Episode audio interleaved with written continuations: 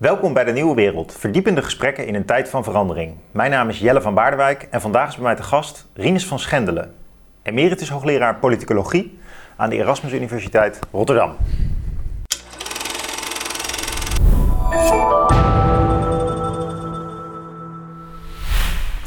Rinus, Ja. wat geweldig dat je hier bent.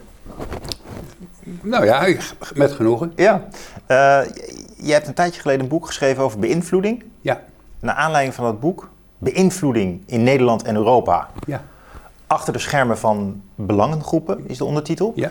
Naar aanleiding van het boek ontdekte ik pas eigenlijk dat je een hele loopbaan van nadenken over macht hebt. ja. Achter de kiezen, kan ik wel zeggen, want je bent 77. Eh, 76. 76. Ik word 77 over een paar, weken, eh, paar, ma- paar maanden. Nou, wellicht meteen ook Twee de- maanden, ja. toch wel de meest senioren gast die we hier bij de Nieuwe Wereld gehad hebben. ja. Maar jong van geest kunnen we concluderen op basis van het boek. Hopelijk gaan we daar ook nog wat van meemaken vandaag. Ehm, ja, invloed en macht. Het is eh, een thema dat voor iedereen wel eh, duidelijk bestaat hè? in de politiek in Den Haag. Hoe beïnvloeden bedrijven, ja. belangen, Ja. partijen met belangen. eh, dat kan van alles zijn. Hè? Ja. Eh, een NGO of een vereniging of een stad. Overal. Hoe beïnvloeden die Den Haag? Hoe beïnvloeden wij met Den Haag Europa? Hoe beïnvloedt Europa Den Haag?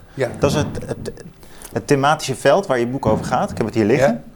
Ehm, nou, voordat we daar wat meer inhoudelijk op ingaan, van hoe, hoe kom je in vredesnaam geïnteresseerd in het thema beïnvloeding? Toch een. eh, Nou ja, eh, eh, dan in reconstructie.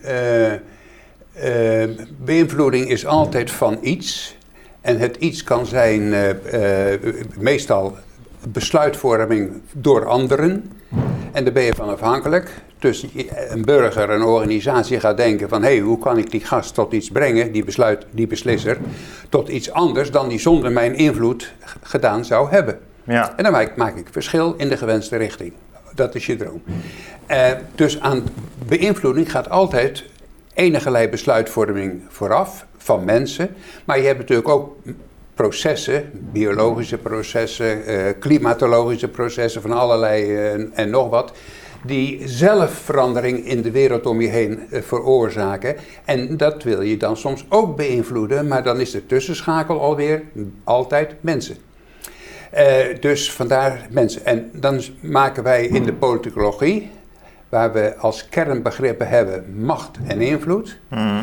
Eh, ter eh, verduidelijking voor de eh, kijker, macht is verklonken vastgezet in formele posities, bevoegdheden, een baan. Je bent minister zolang je, je stoel nog overeind is. Daarna ben je minister af, weg, zonder macht.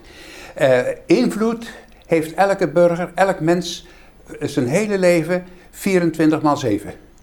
Want invloed is een persoonlijk, eh, eh, is, een, is wat je zelf doet om de buitenwereld anders te maken dan die zonder jouw aanwezigheid en activiteiten zou zijn. ja. Dus eh, ik voel me altijd veel gelukkiger als beïnvloeder voor mezelf, maar meestal voor een organisatie, een club in problemen. En die komen dan langs, et cetera. Dan als iemand met een formele eh, bevoegdheid. Want dan moet je ook weer verantwoording afleggen. En bovendien, het is maar zolang het duurt, want daarna zit een ander op die stoel. Dus eh, Ja. invloed is veel mooier. Nou, en hoe, hoe ik daartoe gekomen ben, dat is ergens in mijn opleiding aan de Universiteit van Amsterdam gekomen. De Rode Universiteit toegeheten, eh, de, de, de zevende faculteit. En eh, daar moest ik op het eind twee scripties maken. En toen had, was ik al bevlogen geraakt door de opleiding. Want het kwam, bij mij in een vrij laat stadium. Eh, en ik vond het Je hebt een echte studententijd gehad, bedoel je? Ja, ja, precies ook. Ja. Ehm, eh, nou ja, ik, ik, ik- zeg maar in sommige opzichten een vertraagde ontwikkeling naar volwassenheid. Hm. Eh, zo, zo, zo kan je het eh, eh, ook noemen. Ehm, en eh, toen moest ik twee scripties schrijven. De ene toevallig ging over besluitvorming van een formele organisatie. Eh, een, of andere bureaucratie was het, geloof ik. Eh, en de tweede dacht ik, verrek, het is eigenlijk een mirakel hoe zo'n organisatie komt tot gemeenschappelijke, collectieve besluitvorming. Ja, kun, je, kun je meteen even toelichten met een voorbeeld? Ja, natuurlijk. Nou, neem het ons eigen land. Het is eh, 17 miljoen eh, eh, solisten in de kern. Eh, hoe- hoe kun je dat in godsnaam brengen tot één gemeenschappelijk beleid, in dit geval, of aanpak van klimaat, van, van corona, van weet ik wat.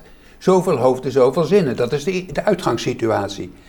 Uh, en dan heb je dus mechanismen nodig, instituties nodig uh, en, en, processen, procedures nodig, om dat steeds meer te ordenen, zodat er uiteindelijk een besluit uitkomt.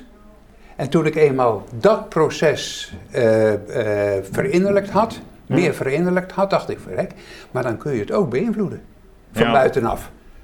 En dat is die, die zijn die twee kanten van dezelfde medaille. Ja, oké, als, ik, dus als ik het goed begrijp, je bent eigenlijk helemaal niet alleen maar hoogleraar geweest, maar ook lobbyist of iemand die echt in de praktijk mensen ook heeft geholpen om oh ja, invloed, invloed te krijgen. Ja, alleen het woord zelf, het woord lobbyist gebruik ik zelf nooit, omdat het een, niet alleen omdat het een besmuikte uh, betekenis heeft, hmm. uh, dus dan kun je het dan wetenschappelijk niet gebruiken.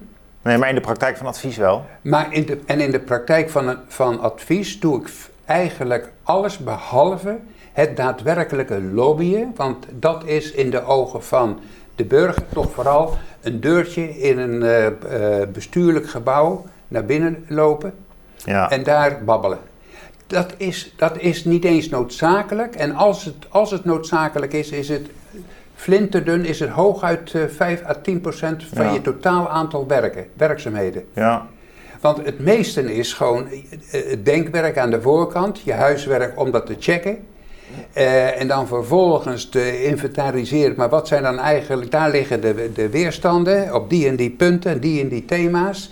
En wat zijn dan de wegen om daaromheen te gaan? Of wat zijn de noodzakelijkheden om tot een compromis te komen? Heb, heb, je misschien direct een klein voorbeeld, Rinus, om dat proces iets meer aan te kleden. Van dat het niet alleen maar een deur doorgaan is, maar van die, die invloed. Een voorbeeld van een invloedssituatie. nou, uh, ben op het ik heb, ik heb toch steeds zo mijn klantjes, allengs steeds meer mijn kale kippen. Want dat zijn dan, ja, maar, wat moet ik nou op mijn late oude leeftijd nog met dat soort... maar ik, en oude klanten die eventjes nog een probleem hebben, die help ik altijd. Dus... Maar het gaat, het, gaat, op dit moment om een organisatie. Ik heb, er gisteren en vanmorgen vroeg nog mee contact gehad over. Die een bepaald thema, het gaat nu over Haagse besluitvorming, graag wil parkeren in de lijst van controversiële dossiers. Waar dus het demissionaire kabinet met zijn tengels van af moet blijven en moet laten rusten tot het nieuwe kabinet is eh, geïnstalleerd. En dat betekent dat de eventuele wrok van de zittende minister niet kan doorwerken naar die organisatie. Hmm. Het dossier is bevroren. En eh, sinds gisteren is het dossier ook uh, controversieel verklaard door de, door de Tweede Kamer. Hmm. Dus minister Tengels vanaf blijven. Ja. Help ons even, welk dossier is het? Of? nou, dat, dat dat, dat, is, eh, dat, wil ik liever niet zeggen, maar het is een NGO. Ja. Een NGO op het uh, uh, gebied van opsporing van vermiste kinderen. Mm. Ja.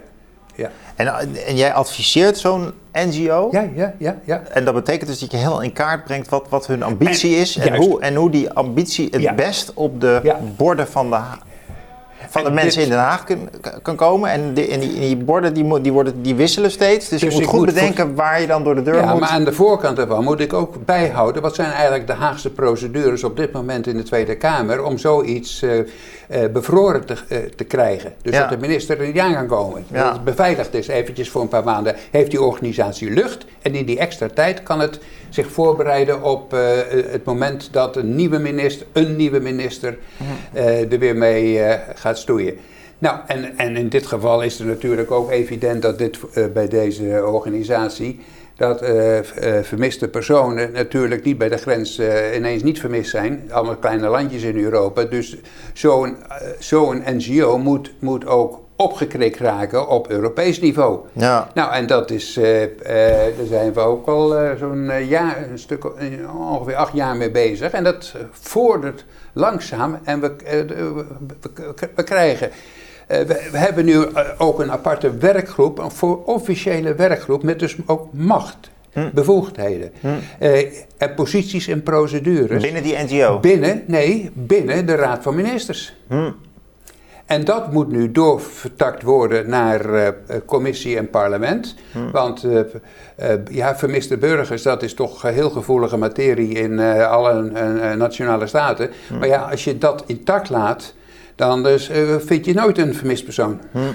Dus je moet het gemeenschappelijke Europese aanpak hierop zetten. Ja. Zoals op coronabeleid en zoals op veiligheidsbeleid en weet ik wat voor beleid. Ja, ga je dan niet wel snel dat je daar direct gemeenschappelijk Europees beleid voor nodig hebt? Nou, eh, geef maar een beleidsthema. Het, eh, de, eh, de inkoop van vaccins is op verzoek van de lidstaten uiteindelijk opgepakt, versneld opgepakt en gefinancierd, voorgefinancierd door de, door de commissie. Ja.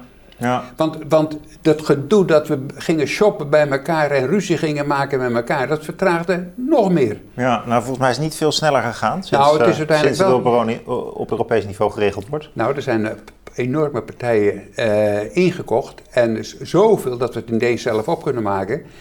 Maar we hebben het voor een deel, heeft de commissie het geparkeerd onder uh, ontwikkelingshulp. Hm.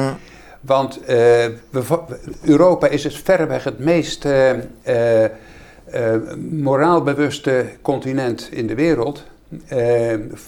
relatief dan, hè. Kan altijd weer beter. En wij vonden het gênant, vanuit ons wellicht koloniale verleden, Frankrijk, Engeland, Nederland, België, noem het maar op, om dan onze ex-koloniën die overal zitten, ja. Uh, zonder uh, vaccin te laten. Zo, daar, zo is dat ook, ook, daar weer aan het landen. Die historische trends bestaan, ontwikkeling. Die bestaan nog steeds. Verleden is altijd aanwezig. Je maakt een onderscheid aan het begin tussen macht en invloed. Ja. En je suggereerde een beetje dat de echte invloed niet zozeer bij de machtige mensen ligt. Heb dat, ik wel goed begrepen? Dat is heel goed begrepen en dat weet iedereen die ooit in het leger gezeten heeft. Ik nooit. Want, uh, door omstandigheden, maar uh, de, de, de, hoogste baas. Pas in de strijd ontdek je wie de echte leider is. Het informele leiderschap. Hm. Degene die, en die wordt gevolgd. Maar ik snap wel dat als je zegt, uh, er zijn bepaalde mensen met machtige posities. Uh, neem uh, bijvoorbeeld Thierry Baudet of misschien zelfs iedere tweede, ieder lid van de Tweede Kamer. Dus dat is officiële macht. Maar, Heeft in potentie maar, 150ste stukje van gedeelde macht. Ja, ja, maar ondertussen heeft hij natuurlijk wel een invloedsplek. Hè, doordat hij in de Tweede Kamer zit. En dat is maar een voorbeeld. Ik denk eigenlijk dat iedere uh, Tweede Kamerlid wel zoiets heeft. Hè. Een, eh, een relatieve formele machtspositie. Met een enorm netwerk en daardoor wel veel invloed. Nee, ik zie in je gezicht dat, dit naïef is. Nee, ja. Uh, macht, formele macht, bevoegdheid bijvoorbeeld, geeft alleen maar potentiële invloed. Een kans op invloed. Hmm. En invloed blijkt nooit aan de voorkant, maar blijkt aan de eindkant ja. van, het, van een proces van beïnvloeding. Dus beïnvloeding als werkwoord is alleen maar een poging tot. Ja. En je moet dus altijd verder kijken dan je neus lang is. En kijken wat heeft het opgeleverd. En als ik nou denk bijvoorbeeld aan die lijsten die de Volkskrant ieder jaar publiceert met die ja. 200 eh, machtige ja, uh, bestuurders. die, die, die, dat zijn duidelijk meer de informele types, maar die, hebben dan, die werken dan wel bij het CBS of de WER of bij een grote bank. zijn, dat dan de, zijn dat dan de mensen met invloed in Nederland? Ik heb met de twee journalisten die die pagina jaarlijks verzorgen heel veel discussies gehad. En ik heb ze steeds uh, uh, gezegd van jullie meten helemaal geen invloed of macht. Want ze hebben de ene keer, hebben ze, het ene jaar zetten ze er invloed boven de meest invloedrijke en het andere jaar machtigste. let maar eens op. en ze zeggen, ja Rinus, je hebt wel gelijk. Maar we moeten toch een wat sterkere kop hebben. Want in wezen, ze meten vooral informele posities wie heeft de meeste commissariaten in banken, in uh, organisaties, in uh, instellingen, in uh, adviesorganen, et cetera. En dan krijg je rangorders. En zeg ja, dat is alleen maar potentiële invloed. Want weet jij wat ze doen? Misschien zitten ze allemaal achter een jukebox. Ja. Ja, ja. ja, ja. ja.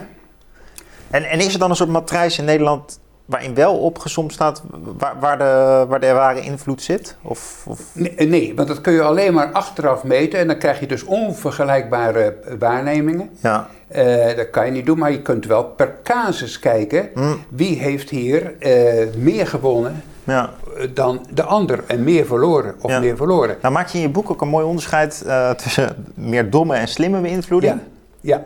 En, en, en misschien kan je dat hier eens even toelichten. Van een casus waaruit dan blijkt van, nou oké, dat is leuk, maar dat noem ik dan nog domme beïnvloeding. Of Ja. in ieder geval eh, half ontwikkelde geluksbeïnvloeding. En de meer systematische, slimme. ja. Wat is nou, Intelligente, ja. waar komt het neer? Waar komt het Nou, op neer? eh, beïnvloeding is dat je verschil met, wilt maken in een proces van besluitvorming ergens verderop in de grote buitenwereld. Ja, laten we, Zo simpel is het. laten we aannemen Den Haag. Den Haag. Het- Den Haag, eh, we- we hebben een dossier zit nooit alleen in Den Haag of in Brussel, maar laten we zeggen, ik geef dan gelijk een voorbeeld eh, op het gebied van pulsvisserij. Want gisteren heeft eh, de, de, het Europese Hof een uitspraak gedaan over de Nederlandse aanpak van de pulsvisserij. Een emotioneel dossier in, bij de gereformeerde de, de CU, CDA en SGP. Dat is de achterban. Eh, en dat zit ook in Brussel uiteraard. En daar had, eh, eh, was door minister Schouten, Carola Schouten, een eh, eh, eh, verzoek eh, aan, het, eh, aan de het Europese Hof gedaan om een finale uitspraak te doen eh, eh, ten gunste van haar. Nou, eh, uit- einduitkomst gisterenmorgen rond deze tijd. Eh, Nederland eh, eh, terug naar af. Eh, wij gaan daar niet over. Er is niets wat eh, pulsvisserij gebiedt, geen enkele Europese wet of regel. En er is wel heel veel Europese wet en regel wat de pulsvisserij expliciet nog niet toestaat. Nou, dus wat komt u hier doen? Nou, dat is dus, als je dat zo samenvat, en dat is in de kern eh, van het woord, de samenvatting van de eind, uit- einduitkomst van dit proces van beïnvloeding van eh Carola Schouten, natuurlijk een, eh, domme operatie. Want dit had je van tevoren kunnen weten. En ik heb het ook links en rechts al eh, lang van tevoren aangekondigd. Dit, dit gaat een fiasco worden. Ze worden gewoon naar huis gestuurd met, eh, terug naar huis gestuurd op hangende pootjes. Eh, dus, eh, dus, en waarom is dit hier fout gegaan? Omdat eh, aan de voorkant van deze poging tot beïnvloeding, eh, nu via het eh, Europese Hof, eh Carola Schouten haar huiswerk niet had, goed had gedaan. Dus zowel juridisch, dan moet je eerst kijken naar de eerdere jurisprudentie. Eh, je moet kijken naar de uitlatingen van, over ditzelfde dossier van pulsvisserij door het Europese parlement als orgaan, als instituut en de Raad van Ministers. En dan zie je al vanzelf dat eh, de bui zeer donker hangt voor je eigen Haagse verlangen. Eh, en toch. Eh, dit, dit moeras ingaan en verzinken. Maar als ze jou gevraagd hadden, dan Ik- waren ze nou, verder gekomen? eh, Want het eh, klinkt nou net alsof er eigenlijk geen hoop is voor die pulsvisserij. Nou, de, de, de, para- de ironie is, deze, en, en ik ben heel blij met deze, deze korte vraag. De ironie is dat in de maand van dit boek, dat het boek verscheen, ik ineens een, een interview las van Pim Visser, de voorman van Visnet, eh, net met BNED Nederland, Vis Nederland, brancheorganisatie van die vissers. En eh, daarin verzuchtte hij op mijn nachtkastje had lag het boek van ene van Schendel uit Rotterdam, de, met die titel. Had ik daar maar eerder in gelezen, want wij zat, had, had toen al een veldslag verloren. Nou, toen heb ik met Pim Visser eh, eh, contact opgenomen per e-mail en gezegd: joh, ik, ben nog steeds, eh, ik wil nog steeds meedenken, maar in ieder geval anders opzetten. Want dit wordt, eh, anders volgen er nog meer Ja. verloren veldslagen. En ik Maar- heb zelfs... En dat betekent, als ik jou goed begrijp, Ja? toch, dat zit, de toon in jouw boek is ook een soort van... nou, en nu even realistisch, jongens. Je bent eigenlijk een heel machiavellistisch auteur. Ja. Die zegt van... de, de, de- eh, ik, weet, ik weet hoe de hazen lopen, of ik wil Ja. weten hoe de hazen lopen. Ja, feiten, maar ook een soort opportunisme. Ja, ja, ja, tuurlijk, want kansen pakken. Ja, ja. In die betekenis, niet een, een, een luie opportunist. Nee, opportunisme in de zin van... Actief wa- opportunisme, waar- kansen pakken. Ja, waar zitten de gaten? Waar Ja, kan ik doorheen? Ja, precies. En waar zitten de tuimelramen en de achterdeurtjes? Ja. En dan je, eh, goed, dat goed doordenken. En dat kost razend veel tijd. Ja. En, eh, eh, Is er, een, is er een casus die je met ons kan delen waarvan je zegt, nou dat was echt een intelligente aanpak, is gelukt? eh, oh ja, meestal als, als een externe organisatie, eh eh, gevederde of kale kip, bij me langskomt, dan eh, eh, hebben ze een brandend probleem, want ze zijn te laat. En dat is meestal eh, de oorzaak. Te, te laat wakker geworden. Oh, hoe kun je ons redden? Nou, zo kreeg ik eh, een paar jaar geleden, schiet me nou te binnen, staat er ook gewoon in die casus, de PSD2. Een geweldig stuk Europese wetgeving, heel op, in, voor de financiële sector. En dat eh, betrof eh, wie is eigenaar van de data bij eh, financiële transacties, zoals wanneer je een, iets afrekent ergens in het, met een creditcard. Hm. Nou, en die organisatie eh, en die, eh, eh, die data zouden moeten worden gedeeld met anderen. Zoals er nu ook nieuwe we- Europese wetgeving ligt om te voorkomen dat de Googles van de wereld als monopolist weglopen met de data van anderen. Dezelfde thematiek, maar dat, de PSD2 was een voorloper, ongeveer drie, vier jaar geleden. Nou, toen heb ik eh, tegen ze gezegd, eh, ja, de tijd is zo kort, het dossier loopt al in de laatste ronde tussen, van besluitvorming tussen Europees Parlement en de Raad van Ministers met hun afgevaardigden. Eh, in in een zogeheten eh trialoog. Dus de commissie zit er dan ook bij, de drie grote instellingen in klein formaat gedownsized. En die moeten eruit komen. En eh, toen zei ik, nou, eh, eh, over drie dagen in Brussel bij elkaar om de tafel, de hele dag reserveren, hotel van tevoren, hotel daarna. In die middag moeten jullie eruit zijn en precies weten, dingen, het schema gemaakt, huiswerk van tevoren opgegeven, want huiswerk gaat vanaf nu in. En eh, ze allemaal aan het eh, doorakkeren van een ongeveer eh, 300, 400 bladzijden wetstekst eh, gezet, gezet. En sommigen waren jurist, et cetera, et cetera. Eh, en toen vervolgens bij elkaar gekomen. En nu, welke artikelen in deze wetstekst zijn het meest pijnlijk, zo niet killing voor jullie? En ik wil de meest killing op, eh, op tafel zien. En, op een- en toen hadden ze er een stuk of 13 punten. Zeggen, nou, daar kunnen we dus nooit op scoren, op 13 punten. Moet je 13 eh, succesvolle eh, wijzigingen aan, aan zien te brengen. Toen zeg ik, nou, en dan gaan we eerst nu even lunchen, laten bezinken. Eh, toen was het dus eh, 12 uur, half 1. En nou gaan we meteen na de lunch gaan we die lijst van eh, 12, 13 downsizen tot eh 1, 2 max. Je moet dus het dodelijkste artikel eruit halen. Dat je out of business bent. Hm. En dat vonden ze. En toen ging het erom dat er een bijzin, geloof eruit moest of erbij moest. Eén van de twee. Maar dat, dat staat in het boek.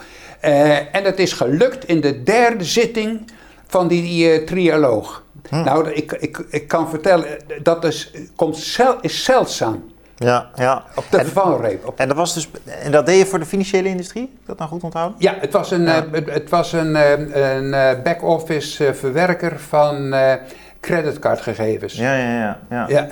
Dus En, eh, voor alle banken werkt die, opereert die grensoverschrijdend. Maar eh, ja, die, Ja. die zou omvallen. Die zou, Ja. Nou hebben denk ik veel mensen wel het idee dat eh, de- dat soort bedrijven die invloed zoeken, maar zelfs NGO's ook niet per se de belangen van iedereen dienen. Ja, ik heb een onderscheid gemaakt een van mijn, in mijn, zeg maar mijn, mijn leidende boek, twint- ruim twintig jaar lang.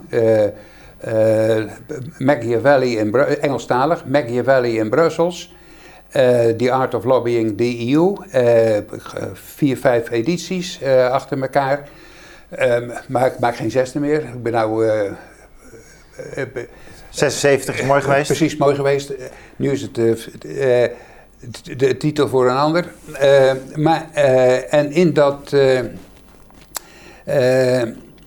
wat wil ik- In dat was- boek, dan maak je een. Ik, ik dacht zelf eigenlijk toe te gaan naar de Oh vraag ja, van de- maak je, maak nee, je ook een de onderscheid tussen NCO's, goed. De NCO's. Ja. In dat boek maak ik een onderscheid naar type NCO's. Ja, Je hebt de klassieke NGO, de collectebusorganisatie vanaf de straat. Hier kun je me helpen, Ja. et cetera. Dat is de, de ideaaltype. kankerstichting. Eh, komt zelden voor. Komt zelden voor. Het, klassieke type. Dat die iets. ben- Oh, oké, ja. Het klassieke type. De, tegen, de andere organisaties hebben ontdekt dat eh, het achtervoegsel voegsel NGO vreselijk mooi bekt wanneer je wil beïnvloeden. Mm. Eh, en dat, dan gaan bedrijven, om dat voorbeeld te nemen, die waren liepen ook voorop in Nederland, eh, zelf een stichting oprichten. Iets klinkt ook aardig, maar daar hou je de controle over. Of een vereniging oprichten, kan ook. Ja. Maar ja, dan, je weet niet hoe die leden dan straks weer eh, de zaak verstoren. Eh, dus, eh, maar dat klinkt vriendelijker.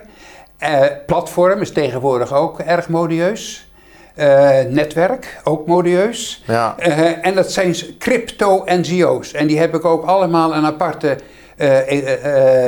afkorting gegeven. Ja. Dus de BONGO is de Business Organized NGO. De BINGO, de Business Inspired NGO. Bijvoorbeeld bij ons eh, eh, eh, Natuur en Milieu, Stichting Natuur en Milieu, is een stichting. Die is- later in de handel van milieu- en klimaatspullen gegaan. Die, want je hoort er ook weinig meer van. van sticht- Ja. Je hoort toch wel van Milieudefensie en Greenpeace. Maar de derde inboende is uit het beeld verdwenen. Hmm. Die zit in, de, in handelsactiviteiten. Ja. En die wil gewoon Ja. oh, eh, eh, blijven bestaan. Dus eh, bestaansmiddelen. Ja, nou is daar op zich niks mis mee, Nee, denk ik. nee, nee. En zo heb je nog veel meer. De Ja. government eh, Ja. organized NGO, overheden, ministeries, nu Ja. hun eigen NGO. Transparency International is ooit opgericht in Den Haag op het ministerie van Jan Pronk. Hm. Nou vind ik dat heel Ja. aardig, Ines, dat je Ja. dat inbrengt. Want de Transparency International brengt mij op een andere manier bij het thema dat ik eh, graag wil bespreken met jou. Eh, namelijk dat er hangt natuurlijk een zweem om de beïnvloeders, de lobbyisten heen van eh, een soort halve corruptie. Ja. Ja, je, je, je probeert toch, je, bent eh, te koop, je probeert een belang te Ja. ver- eh, verdedigen. Je gaat bij mensen in een hotel zetten, je zet iedereen aan tot denken en je belobbyt dan iets. Ja, Eh, nou zal dat vast vaak ook eh, voor het gemeenschappelijk goede zijn. Maar ik denk ook wel voor, voor private belangen of voor belangen van NGO's, om ze dan maar zo te noemen. ja, of voor ministeries. Dat, Of voor dat- ministeries, Dat inderdaad. soms ook eh, de, gewoon de bureaupolitieke agenda's van een minister en Ja. ambtenaren. Nou is die Transparency Ja. International, dat is een soort meetinstrument. Ja, En daar meten ze eigenlijk, dat is een soort integriteitsmeetinstrument. Of je zou het ook negatief kunnen zeggen, het gaat om corruptie. ja, ja dat, zo noemen ze het zelf. Ja, en, nou, Corru- dat- Corruptieindex. ja. En dat is een transparantieindex. ja, en jouw beroepsgroep, jouw vakgebied zit toch wel aan de kant, aan de twijfelkant hè, in zo'n index. Ik, ik ben heel kritisch over Transparency International. Ja? Zo kun je dat niet meten. Kun je dat toelichten? Want, want volgens mij, eh, als je er gewoon, als, je gewoon als burger naar kijkt, Ja. als ik even mag, en je, je leest de kranten, dan zie je toch een eh, staartje waar Ja, dingen op een rij gezet zijn. Ja, Hè, bijvoorbeeld hoe, hoe sterk wordt Merkel belobbyd of Rutte. Ja. En dan eh, de, de casuïstiek die daarbij hoort. Hè. Bijvoorbeeld eh, Rutte die geprobeerd heeft om de dividendbelasting af te schaffen. Ja, dat is zo'n voorbeeldje. Ja. Of eh, Merkel die Ja, ja. toch relaties had met Wirecard. dat bedrijf dat eh, failliet is gegaan omdat ze een, ja, eigenlijk een balans hadden die niet meer klopte. ja. En die, die relaties proberen ze wel in kaart te brengen. Ongetwijfeld te oppervlakkig. Maar daardoor kun je wel iets van een soort toets aanbieden. Hè? ja. Je- Om te zeggen van, ja, hoe integer is onze politiek nou eigenlijk? Ja. Maar het gaat om de relatie tussen eh, bedrijfsleven en politiek, maar ook dus NGO's en politiek. En dan bedoel ik natuurlijk niet die NGO's die al van de politiek zijn. Maar vertel eens nou wat. ja, die kunnen ook eh, duister zijn. Maar goed. Ja, ja, nee, kijk, zeker. het, het- het- het leuke... eh, Die zijn per definitie... Hoe werkt Tra- Transparency International? Het is ooit begonnen met inderdaad een schema van wat zijn de belangrijke dingen van transparantie en waarom wilde Jan Pronk dit pushen en mede financieren vanuit zijn ministerie Ontwikkelingssamenwerking toen. Eh, dat was omdat eh, hij in Afrika de regeringen al daar, die OS-geld eh, zouden kunnen krijgen van hem, niet vo- voldoende vertrouwde, want ze, het waren wrakkige regimes. Nou, dus hij wilde hen een meetlat opleggen en zo is het ooit begonnen. En bedrijven hebben in wezen de financiering in de loop der jaren volledig overgenomen, want die hebben ontdekt dat wie betaalt toch ook voor een stukje bepaalt. En en eh, hoe werkt al- Transparency International nu? Nou, die hebben, die hebben inderdaad eh, nog steeds zo'n schema van eh, criteria van transparantie, maar die, dat is een veel groter schema inmiddels geworden.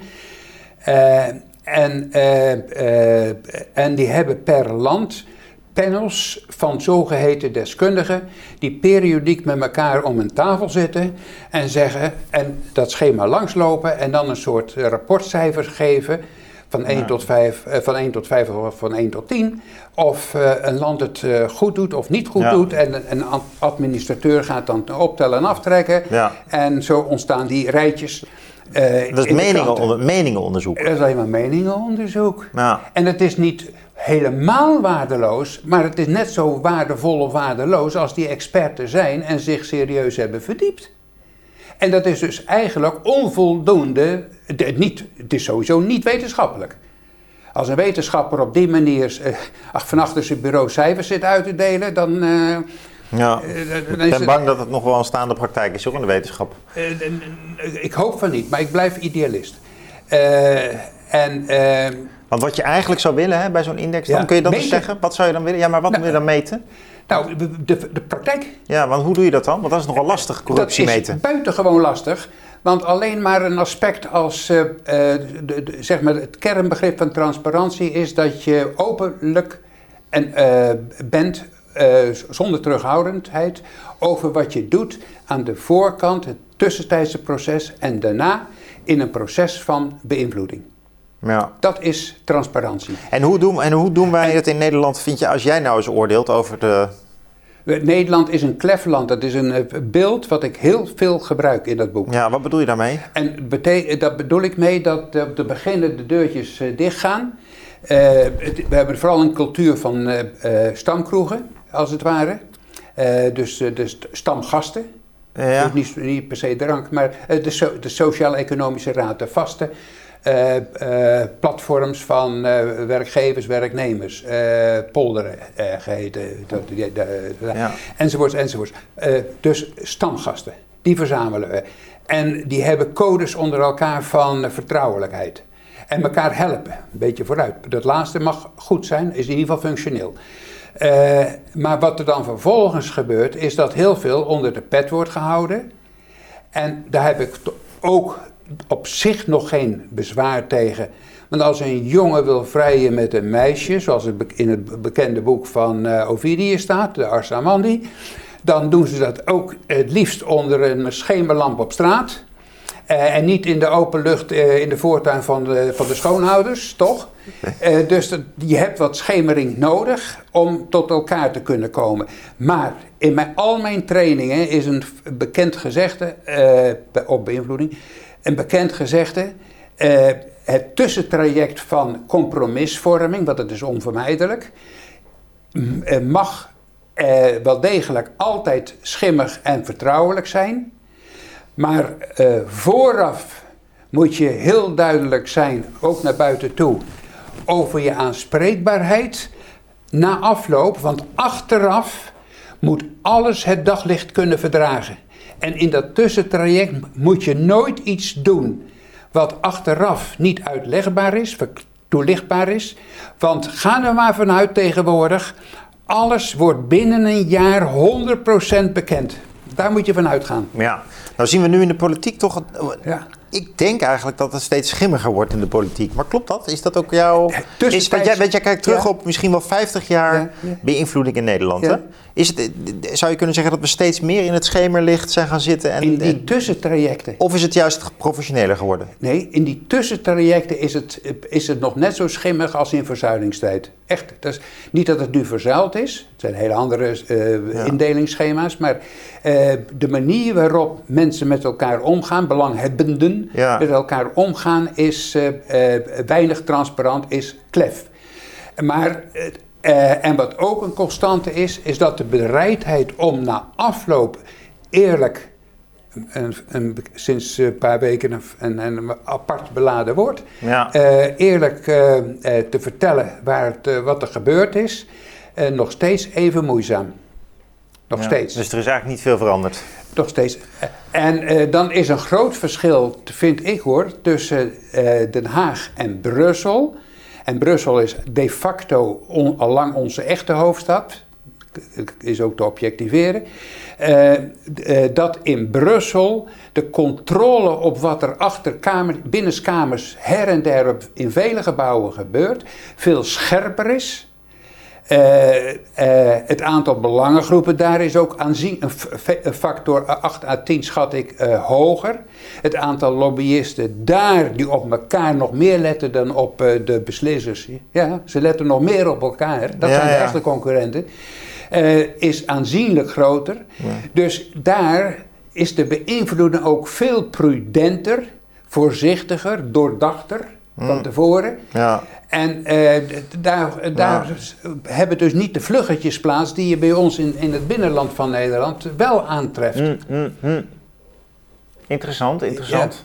Je zou zeggen dat het juist, uh, omdat het wat grootschaliger is, ja. Nee, het is, nog veel vager blijft ook. Maar, maar, het is, maar, het is, juist wel professioneel aangepakt. Maar iets hierop doorassociërend. Hè? Um, ik neem aan dat de EU zelf ook heel veel in jouw schema heel veel invloed probeert te hebben op Nederland. Ja, ja. Dus heel veel macht heeft. Ja, tuurlijk. Maar dat is eigenlijk geen interessante categorie volgens jou. Want, want, macht, ja, dat is alleen maar formeel. Ja. Maar, maar feitelijk beïnvloeden ze heel veel processen. Bijvoorbeeld rondom boeren. Of um, precies. onderwijs. Ja. Of migratie. Ja. En, um, hoe, zou jij dat karakteriseren? Die invloed van de EU naar Den Haag toe? Nou, de macht van de EU richting de, de, de lidstaten is uh, beperkt en uh, al dus vastgelegd in de verdragen. En, op heel, en dat varieert per beleidsveld. En toevallig behoort vis tot de oudere beleidsvelden, zoals landbouw. En daar is EU eh, e al verder op gerukt dan op vele andere beleidsvelden, zoals uh, volksgezondheid. Want uh, op, op, het thema coronavirussen zit, zit, zit uh, Europa pas sinds een jaartje, krap jaartje, nog eens een jaartje actief. en en de invloed van Brussel richting lidstaten gaat dus via die formele route van gelet op de verdragen waren we bevoegd om dit besluit te nemen, want daar heeft hij zelf ooit mee ingestemd. Ja. Nou, wij zijn gekomen tot deze besluiten. In deze envelop zitten de nieuwe wetsteksten op het terrein van bijvoorbeeld pulsvisserij of weet ik wat, eh, elk onderwerp. Ja. En die komen meestal binnen in de nationale hoofdsteden. Ja. En dan ontstaat er een uh, interessant een beetje macaber uh, uh, theaterproces. Uh, wat ik in hoofdstuk 5 beschreven heb en volgens mij nog nergens ooit beschreven is. namelijk, wat doet de nationale regering met die teksten?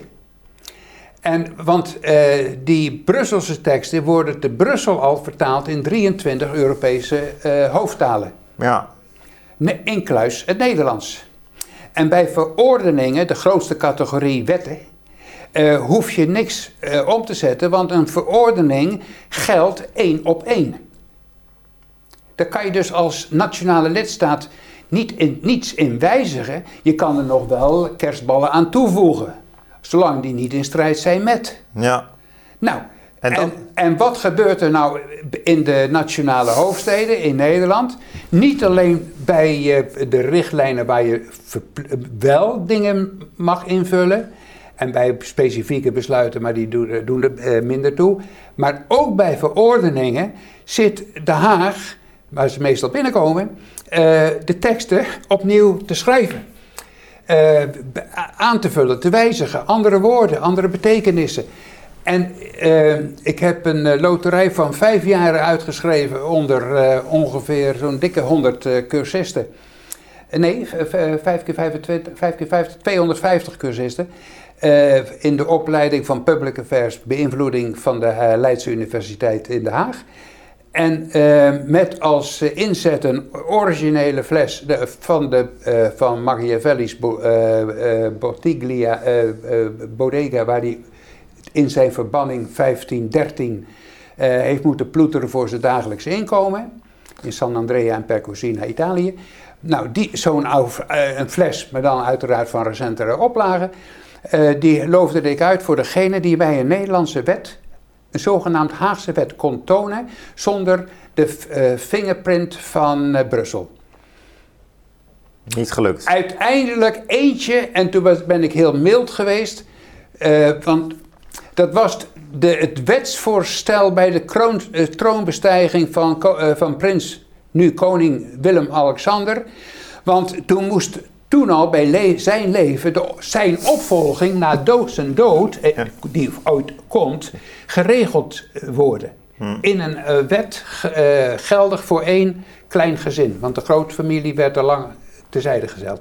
Het is niet meer koninklijke, koninklijke familie. En uh, in die ene wet, die was dus echt vanuit het Haagse bedacht en geschreven. Maar moest wel blijven binnen de paar piket, piketpaaltjes, zijn er niet veel, op het terrein van Europees geldend familierecht. Dus ze konden niet tegen harde Europese bepalingen in zaken familierecht. Dat je je, je vrouw niet mag slaan of doodschieten, dat soort dingetjes. Want daar hadden ze er ook in kunnen zetten. Ja. Maar zijn wij, nou, uh, zijn wij nou goed eigenlijk in het terugbeïnvloeden van de EU en het herinterpreteren van die teksten? Of? We zijn goed in het via Den Haag weer bedriegen van onze eigen burgers en organisaties. Nou, dat moet je even toelichten. Nou, want wat gebeurt er in die Brusselse eh, wetsteksten? Hmm. Die worden allemaal bijgesteld. De één op één omzetting bestaat niet. Nee, nee, nee. Behalve in dat. Maar waar zit het bedrog?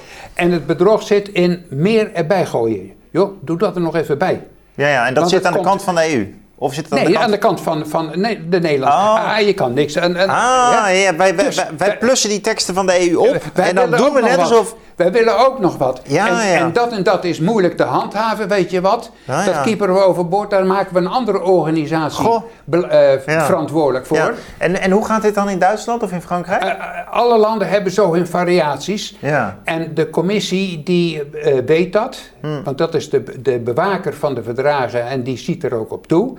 Die verzamelt continu gegevens. En eh, eh, op terreinen waar de commissie vanuit het verdrag minder te vertellen heeft, maakt ze dan uh, richtsnoeren. Ja. van ja, maar wacht eventjes, jullie zijn nu zo en zo bezig, maar je moet het wel veranderen. Ja. En een, een prachtig voorbeeld zag ik gisteren. de commissie heeft gepubliceerd versterkte richtsnoeren op het terrein van ook een gevoelig nationaal thema waar ging het uh, ook weer over? De, uh, de transparantie van ja, bepaalde financiële geldstromen. Uh, dus, pensioenen of zo? nee, niet pensioenen. Ik, weet, ik weet het niet meer, maar ik kan het. Ja. als een kijker het wil weten, moet hij me via u een mailtje geven en dan kan, kan hij het zo krijgen. En, en dat is dus het, op, het versterken van de richtsnoeren tot die zo gemeenschappelijk in de landen zijn dat iedereen zich er braver aan houdt. Maar laten we wel wezen, eh, het is al een wonder dat Europa bestaat zoals het nu bestaat. Dat is al een mirakel. Ja. Eh, en de ondergang van Europa is al vele malen vaker voorspeld dan eh, dat, dat het zo bestaat zoals het bestaat. Hmm. Maar we zitten nog steeds in een opbouwfase van verbeteringen, verbeteringen en verbeteringen. Ja, maar die verbeteringen die pakken ook vaak uit als een opschaling hè, en een vergroting. Nu heb jij... Soms wel, soms niet. Het hangt er vanaf. Ja, nou ja, als je op de lange termijn kijkt natuurlijk wel. Nou, maar niet in de betekenis van we worden één uh, hutspot. Nee, maar wel in de betekenis van invloed. Oh ja, nee. Dus ja, je ziet dat de Europese Unie eigenlijk steeds De rijkwijde, ja, tuurlijk. ja. De rijkwijde neemt enorm toe. En daarom zijn wij in de ogen van de, de rest van de wereld steeds belangrijker. Bijvoorbeeld qua markt. Want verdorie, als je je spul vanuit uh, Azië hier kwijt kan, nou, dat is gelijk uh, kassa. Ja, ja. Ja. Ja. En hoe kijk jij nou naar die, die, die, macht die groeit dus? Die is in de afgelopen decennia ook steeds groter geworden. Hoe, hoe... De, de, de, verdragsmatige uh, vastgelegde uh, macht van EU is toegenomen ten opzichte van ja, de lidstaten. Nee, maar niet alleen maar verdragen, want dat zou ik weer in je definitie van macht plaatsen. Het ja, gaat ja, ook dat om... zeg, maar dat was ook het woord. Ah, Oké. Ja, wat jij sprak. Maar de invloed van EU op de lidstaten, ja. die gaat dus langs subtielere weg ja. Nou, wil je niet bijvoorbeeld rechts, de rechtsstaatdiscussie? Ja. Nou, eh, de rechtsstaatdiscussie. Hongarije wil niet, Polen wil niet. Oh, goed. We hebben toevallig bij toeval hebben we nu ineens allemaal te maken met corona. We hebben een corona-herstelfonds van 600 miljard. Ja, over zoveel jaar. Uh, dus het lijkt iets meer dan het is per jaar. Want wij denken in termen van jaren, niet in termen van zes jaar in Nederland. Uh, maar, uh, nou, dan doe je het niet. Maar we hebben wel besloten in de Raad, op voorstel notabene van, uh, een helder, van Rutte in een helder moment... dat we dan maar wel geld geven, dat we dan wel iets accepteren, slikken van, kunnen slikken van Hongarije... maar dan bloedt Hongarije op de uitkering uit dat coronafonds. Dat, alles heeft zijn prijs. Ja, ja, dus zo is het toch. Ja, en nou is het dus een binnenlands issue geworden in Hongarije en in Polen. Uh, hoe, hoe, gaan wij intern om met de lidstaat? Want het kost centen als we het niet doen. Ja. Ja, nou prima, dat is precies de bedoeling. Dat zijn die subtielere ja. strijdtonelen die de commissie in de binnenlanden van Europa opent. Ja, echte machtspolitiek. Dat, en dat is dan... Invloedpolitiek. Ja, invloedspolitiek. Ja. En dat zie je ook aan uh, bijvoorbeeld die visserij, de visserijsector heeft ergens een, een plekje in mijn hart, in, in, uh, want ik ben, loop er al zo lang uh, rond. het is, het is als je nou oude geuzen wilt ontmoeten, dan moet je in die sector eens rondgaan. volstrekt ongedisciplineerd, ja, alleen zelfgedisciplineerd volk. Ze doen waar ze zin in hebben.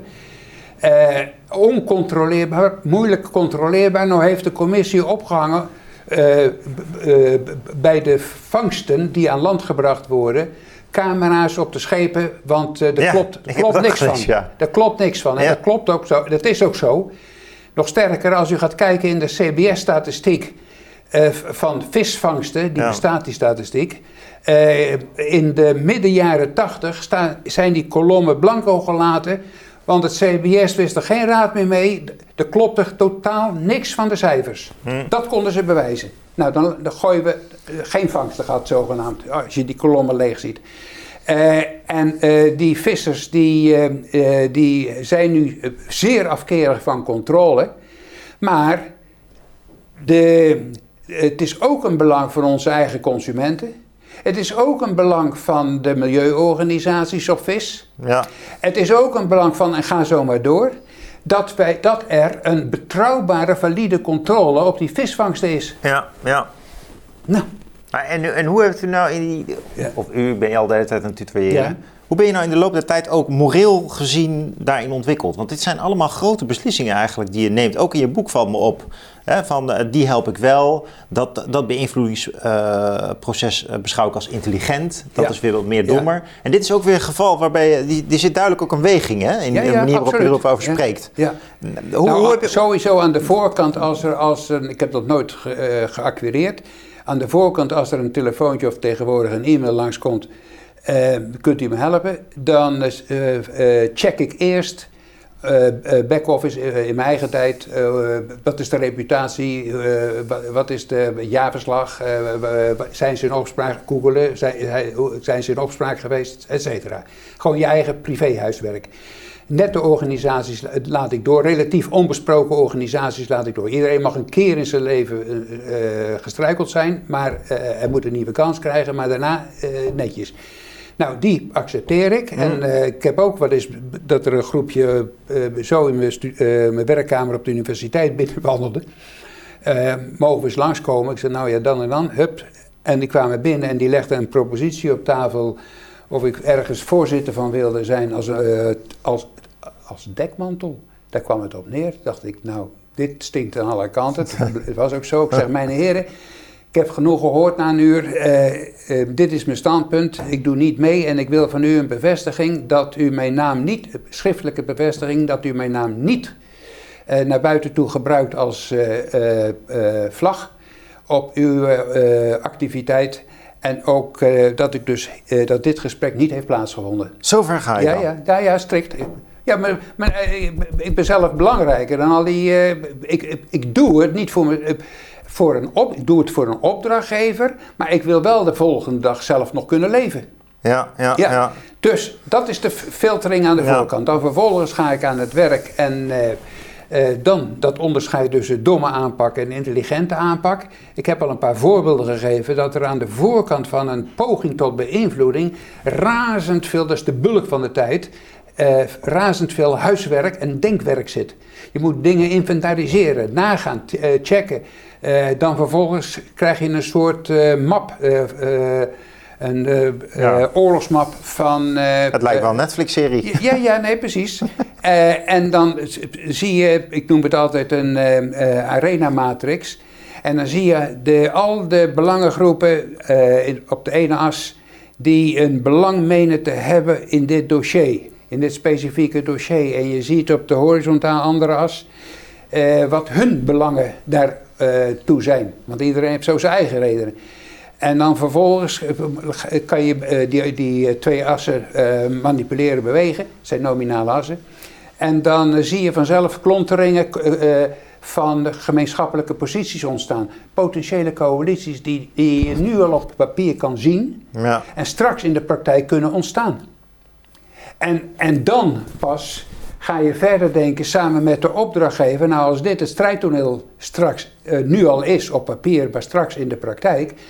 eh, hoe wil je daar doorheen laveren? Want wat zijn gegeven dit strijdtoneel je eigen targets, einduitkomsten, zeg maar je, je dodelijke artikelen die je wil vermijden, dat voorbeeld van de PSD2, Ja. of eh, je, je droomartikelen die je erin, erin wil zien. Eh, en, eh, nou, en dan eh, maak je de, voor de rest kijk, de uitvoeringsplannen van tactische aard. Hoe gaan we dan bewegen? Ja. De, zelden de voordeur. Dus, En zijn er dan wel eens momenten nog dat jij zegt van ik moet hier toch uit terug? Ja, ja, ja, ja. Ik heb gisteren ook nog iemand tot de orde geroepen, een belangengroep. Hm. Die te hard van stapel ging Ja. lopen. hey, stop. Ja. Rinus, we zijn aan het einde van het gesprek gekomen. Maar het was geweldig dat je hier was, want we hebben nu een inkijkje gehad in jouw brein. Ja. Eh, als we meer willen weten over invloed, eigenlijk teruggrijpend op Machiavelli en ook Ovidius, die al schreef over de liefde. Ja, ja, ja. En eh, dat zie je ook in de hedendaagse context wel Ja. terug. En de klefheid van eh, politici en belangengroepen. Dus je kijkt echt wel vanuit die oude bronnen ook naar dat soort mechanismen tegenwoordig. Als je daar meer over wil weten, dan lees jouw boek. Hè? Beïnvloeding in Nederland en Europa. Dan kijk je achter de schermen van belangengroepen. Ja. Dank dat je hier was. Graag gedaan.